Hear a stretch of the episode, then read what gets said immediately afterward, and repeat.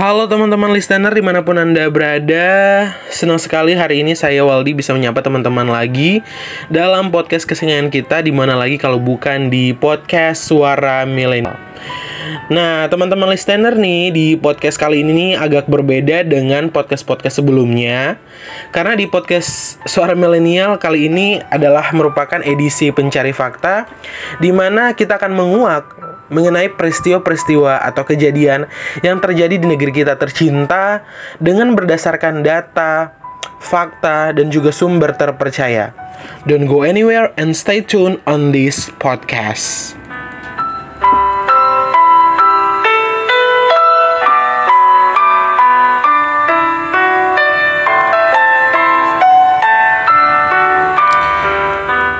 Teman-teman listener, apa kabar hari ini? Semoga sehat-sehat terus dan selalu dalam lindungan Tuhan Yang Maha Esa.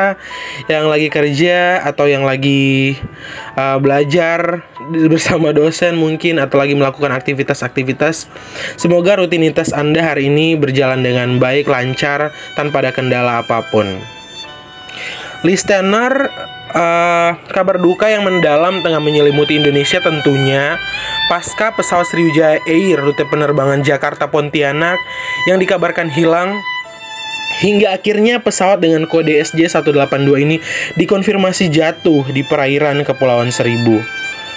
Oleh sebab itu, listener, di edisi Pencari Fakta kali ini, Bang Wal akan menguak tuntas mengenai fakta, kronologi, dan juga penyebab serta misteri di balik jatuhnya pesawat Sriwijaya Air. Yang pertama kita bahas fakta pesawat dulu ya. Uh, kita tahu bahwa pesawat Sriwijaya Air dengan kode penerbangan SJ182 menggunakan pesawat Boeing 737-500 yang sudah berusia 26 tahun yang dibuat pada tahun 1994 dan pesawat ini dinyatakan dalam keadaan layak terbang. Artinya pesawatnya tuh masih dalam kondisi uh, layak untuk uh, terbang gitu loh. Pesawat Sriwijaya Air SJ182 mengangkut 62 penumpang dengan rincian penumpang adalah 40 penumpang dewasa, 7 penumpang anak dan 3 bayi dan juga 12 kru pesawat ini merupakan pesawat yang tentunya layak untuk diterbang karena sudah melalui pengecekan mesin dan lain-lain sebagainya. Menurut Direktur Utama PT Sriwijaya Air, Jefferson Irwin Jawena, dalam konferensi pers di Bandara Soekarno-Hatta bahwa pesawat yang sama sebelumnya sempat terbang ke Pontianak, Jakarta pulang pergi. Kemudian listener nih ya, pesawat ini juga terbang ke Pangkal Pinang sebelum kembali terbang lagi mengantarkan penumpang Jakarta Pontianak. Namun, berdasarkan keterangan resmi Kementerian Perhubungan, pesawat jenis Boeing 77500 itu sempat tidak mengudara selama hampir 9 bulan. Berdasarkan data yang ada nih listener nih ya, pesawat Sriwijaya Air SJ182 masuk hanggar pada 23 Maret 2020 dan tidak beroperasi sampai dengan bulan Desember 2020. Artinya listener nih ya, 9 bulan pesawat Sriwijaya Air ini sama sekali tidak beroperasi. Berdasarkan data yang ada juga, Uh, setelah Direktorat Jenderal Perhubungan Udara melakukan inspeksi pada tanggal 14 Desember 2020. Artinya teman-teman, pesawat tersebut mulai beroperasi kembali nih tanpa penumpang pada 13 19 Desember 2020. Kemudian pada tanggal 22 Desember 2020 pesawat SJ182 beroperasi kembali dengan penumpang atau commercial flight. Meskipun begitu, listener nih ya, pihak penerbangan telah melakukan berbagai pengawasan, meliputi pemeriksaan semua pesawat dari semua maskapai yang diparkir atau tidak dioperasikan untuk memastikan nih pesawat tersebut masuk dalam program penyimpanan dan perawatan pesawat. Namun setelah e, melalui proses-proses tersebut, ternyata pesawat uh, apa Sriwijaya Air dengan kode penerbangan SJ182 ini layak untuk terbang. Nah, kronologi kejadian nih, listener nih. Pesawat Sriwijaya Air SJ182 dijadwalkan terbang pada tanggal 9 Januari 2021 pada pukul 13.25 waktu Indonesia Barat. Namun, pesawat ternyata baru lepas landas pada pukul 14.36 waktu Indonesia Barat. Alasan terjadi delay pada pesawat ini karena saat akan take off pada pukul 13.25 terjadi hujan deras. Artinya alasan cuaca eh, menyebabkan pesawat Sriwijaya Air ini mengalami keterlambatan atau delay hampir selama beberapa menit. Posisi terakhir pesawat diketahui berada di atas Kepulauan Seribu. Pesawat lalu dinyatakan hilang kontak pada 14.40. Pesawat terakhir terlihat di ketinggian 250 kaki. Perlu diketahui juga nih ya listener nih ya, sebelum hilang kontak nih, pesawat sempat keluar arah dari jalur terbang.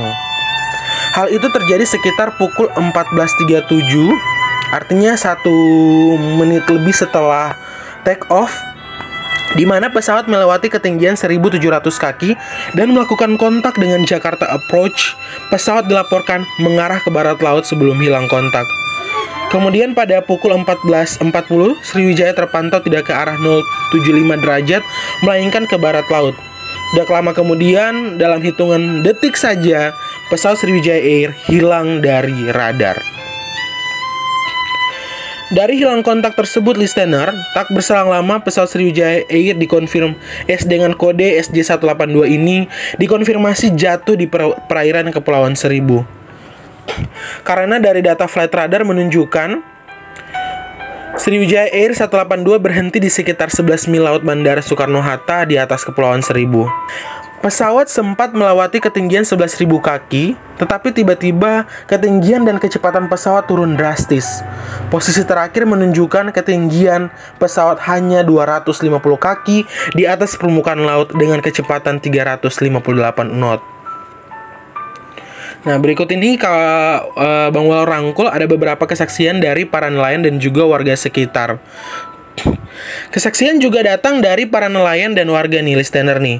Para nelayan di pelabuhan mengaku sempat mendengar dentuman suara di tengah laut dan para warga yang berada di sekitar de dekat sekali dengan lokasi kejadian mendengar dentuman keras bahkan seperti merasakan adanya gempa kecil.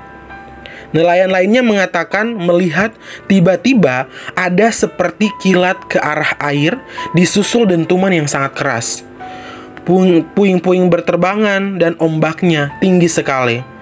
Uh, papar nelayan. Selang beberapa saat, kabar tersebut sudah viral di media sosial dan telah beredar foto sejumlah serpihan yang diduga bagian dari pesawat tersebut. Kemudian di tanggal yang sama yaitu 9 Januari pada pukul 18 waktu Indonesia Barat, TNI Angkatan Laut, Kepolisian, dan TNI Angkatan Udara menyatakan telah mengerahkan sejumlah kapal, pesawat, dan personil SAR untuk mencari pesawat jatuh. Setelah dilakukan pencarian selama beberapa jam, tim SAR Basarnas menemukan dan telah membawa serpihan yang diduga berasal dari pesawat Sriwijaya Air. Kemudian di hari Minggu 10 Januari pukul 9, tim SAR TNI Angkatan Udara melakukan patroli udara, menemukan tumpahan minyak di sekitar lokasi yang diperkirakan menjadi lokasi jatuhnya pesawat. Mereka menduga tumpahan minyak berasal dari bahan bakar Sriwijaya Air SJ182. Kemudian setelah sinyal terkonfirmasi oleh radar, tim penyelam Kopaska menyelam ke lokasi. Kemudian listener nih dilaporkan menemukan bagian tubuh yang diduga penumpang pesawat ditemukan di kedalaman sekitar 17-20 meter Kepulauan Seribu. Tim penyelam dari Satuan Komando Pasukan Katak atau Kopaska TNI Angkatan Laut melaporkan temuan itu sekitar pukul 9.40 waktu Indonesia Barat. Diduga bagian tubuh itu telah tercampur dengan beberapa potongan puing pesawat yang terus diangkat dari bawah air. TNI Angkatan Laut menemukan serpihan pesawat dan life vest jaket penumpang. Tim penyelam juga menemukan warna dan bagian registrasi pesawat di kedalaman 23 meter. Kemudian pada pukul 11.40 waktu Indonesia Barat, dari posko tim penyelamat ada empat kelompok benda yang ditemukan, yaitu ada serpihan kabel dengan kantong tipis, ada pula tangga darurat diduga milik pesawat Sriwijaya Air, dua kantong lain temuan baru, ada pecahan ban dan serpihan tubuh pesawat, ada pula satu helai pakaian berwarna merah muda yang diduga milik anak-anak. Kemudian satu persatu dan bagian demi bagian dari pesawat ditemukan. Mereka juga menemukan bagian tubuh manusia yang diletakkan dalam kantong jenazah. Tim penyelam menemukan gaun pengantin hingga seragam pramugari Sriwijaya Air dan diangkat ke daratan dari kedalaman 17 sampai 19 meter. Pencarian memakan waktu sekitar 40 menit di bawah laut. Temuan tersebut sekitar 2 mil dari Pulau Laki. Selain itu, listener nih, tim penyelam juga menemukan sejumlah pakaian yang diduga milik para penumpang pesawat Sriwijaya Air. Kemudian terdapat juga bagian jenazah, serpihan pesawat, pelampung, uang senilai Rp250.000 dan tas berwarna merah. Pencarian kemudian dilanjutkan pada hari Selasa 12 Januari pukul 9.30 waktu Indonesia Barat. Tim Disaster Victim Identification atau DIY IRS Polri telah menerima 56 kantong jenazah korban jatuhnya pesawat Sriwijaya Air SJ182. Juga sudah menerima 58 sampel DNA dari keluarga korban. Ini diperlukan untuk mengidentifikasi jenazah korban. Kemudian pencari, pencarian dilakukan hingga pukul 16.30 waktu Indonesia Barat.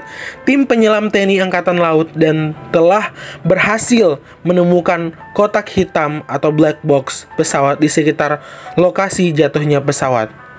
Yaitu uh, black box ini listener ini ya, ini ditemukan pada hari Selasa 12 Januari pukul 9.30 yaitu uh, sekitar tiga hari setelah jatuhnya pesawat sekitar pukul 16.30. Kotak, hit, kotak hitam atau black box itu kemudian dimasukkan ke dalam box dan berisi air berwarna kecoklatan, kemudian dibawa menggunakan sea rider oleh beberapa penyelam.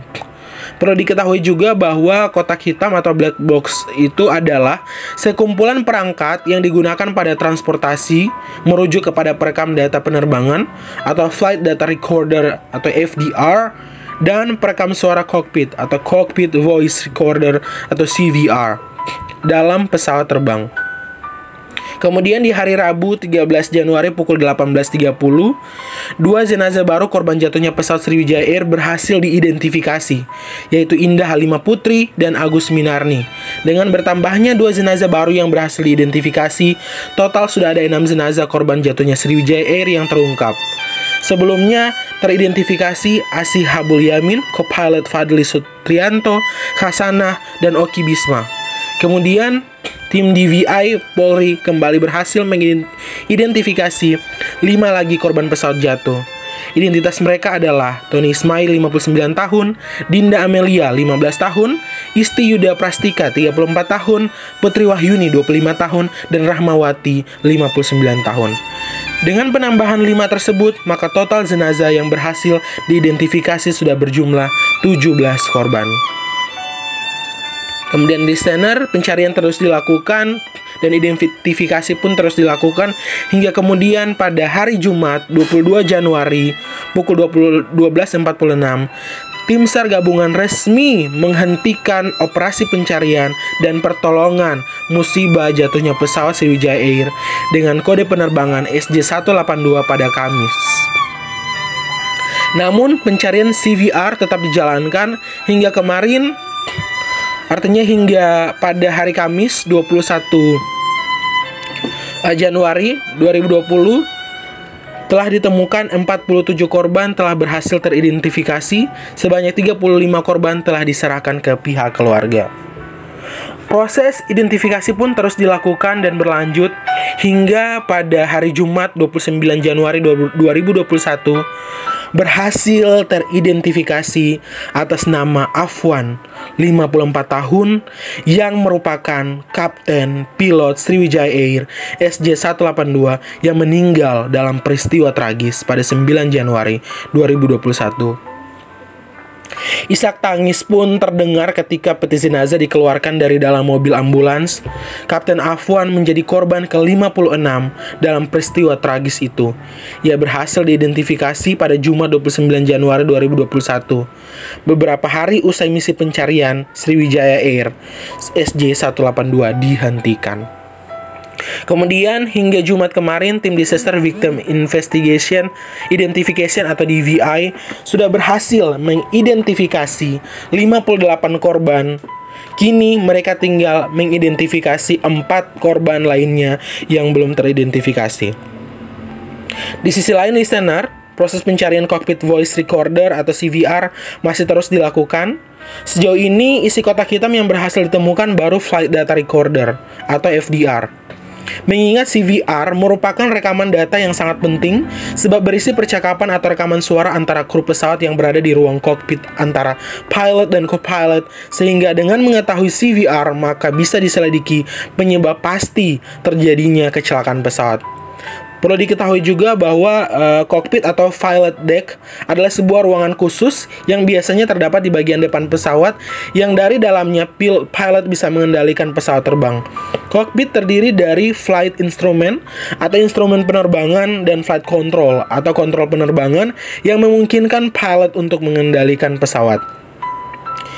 Ini kemudian masih menjadi misteri penyebab utama jatuhnya pesawat Sriwijaya Air dengan kode penerbangan SJ182.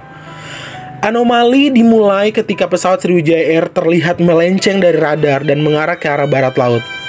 Melihat anomali ini, Air Traffic Control meminta pesawat untuk melaporkan arah pesawat. Karena itu ditanya Air Traffic Control untuk melaporkan arah pesawat, dalam hitungan detik saja target Sriwijaya Air dengan kode penerbangan 182 hilang dari radar. Kemudian ini ada beberapa teori atau bangwal rangkum penyebab jatuhnya pesawat. Konsultan keselamatan penerbangan Kate Mackey mengatakan kecelakaan pesawat jarang disebabkan oleh satu faktor. Sebaliknya, kecelakaan biasanya disebabkan puncak serangkaian faktor yang berkontribusi. Menurut laporan keselamatan International Air Transport Association atau Asosiasi Pengangkutan Udara Internasional menyatakan faktor penyebab paling umum pesawat mengalami kecelakaan adalah kesalahan awak pesawat. Mark William, Wakil Presiden Teknis di Flight Safety Foundation mengatakan sistem keselamatan penerbangan seperti lapisan keju Swiss yang diisi dengan lubang. Masalah yang berhasil melewati satu lapisan pertahanan biasanya terputus oleh lapisan berikutnya. Namun, terkadang lubang tersebut berbaris dan saat itulah sistem gagal dan kecelakaan terjadi. Melansir dari data Plane Crash Info dalam The Conversation, proporsi kecelaka kecelakaan yang disebabkan kesalahan pilot telah mencapai 50%. Karena pilot secara aktif terlibat dengan pesawat di setiap tahap penerbangan, ada banyak peluang terjadinya kesalahan, mulai dari gagal memprogram komputer manajemen penerbangan vital dengan benar hingga salah menghitung peningkatan bahan bakar yang diperlukan. Meskipun demikian, penting untuk diingat bahwa pilot adalah garis pertahanan terakhir ketika terjadi kesalahan yang sangat parah. Misalnya, seseorang pilot berhasil menyelamatkan 150 nyawa penumpang setelah mengambil alih kontrol penerbangan otomatis dari sebuah pesawat yang akan jatuh. Faktor penyebab kecelakaan lainnya adalah kegagalan mekanis yang mencapai 20%. Meskipun mesin saat ini jauh lebih handal daripada setengah abad yang lalu, mesin terkadang masih mengalami kegagalan yang sangat besar. Bisa jadi karena pesawat Sriwijaya Air SJ182 tidak beroperasi selama 9 bulan dari bulan Maret 2020 sampai Desember 2020 hingga mesinnya pun bisa dikatakan gagal. Kemudian Cuaca buruk menyebabkan sekitar 10% kecelakaan pesawat. Terlepas dari banyaknya alat bantu elektronika seperti kompas giroskopik, navigasi satelit, dan uplink, uplink data cuaca, pesawat masih saja kerap berhadapan dengan badai, salju, dan kabut. Sedangkan sabotase penumpang Sabotase menyumbang 10% insiden kecelakaan pesawat. Pada September 1970 misalnya, tiga pesawat di bandara Yordania dibajak dan diledakan. Lebih dari itu, faktor lain yang menyebabkan kecelakaan adalah kesalahan pengontrol lalu lintas udara, dispatcher, loader, bahan bakar atau teknisi pemeliharaan. Terkadang diharuskan bekerja dalam shift yang lama. Teknisi pemeliharaan dapat membuat kesalahan yang berpotensi menimbulkan bencana. Itu sudah Bang rangkum mengenai faktor penyebab terjadinya kecelakaan menurut listener nih, mana yang paling masuk akal dan mana yang paling cocok? Apakah melupakan kelalaian awak kelalaian awak pesawat dalam hal ini uh, kelalaian pilot dan co-pilot, tapi menurut uh, informasi yang sudah dikonfirmasi bahwa pilot Captain Afwan merupakan pilot yang sangat profesional dan sudah punya track record yang sangat baik sebagai pilot di uh, Sriwijaya Air. Bagaimana menurut teman-teman nih? Kalau ada punya tanggapan lain, silahkan komen di kolom komentar. Jangan lupa like, comment, share, dan juga subscribe. Semoga informasi ini bisa bermanfaat untuk kita semua dan bisa menambah wawasan bagi listener sekalian. Sampai bertemu di another podcast. See you.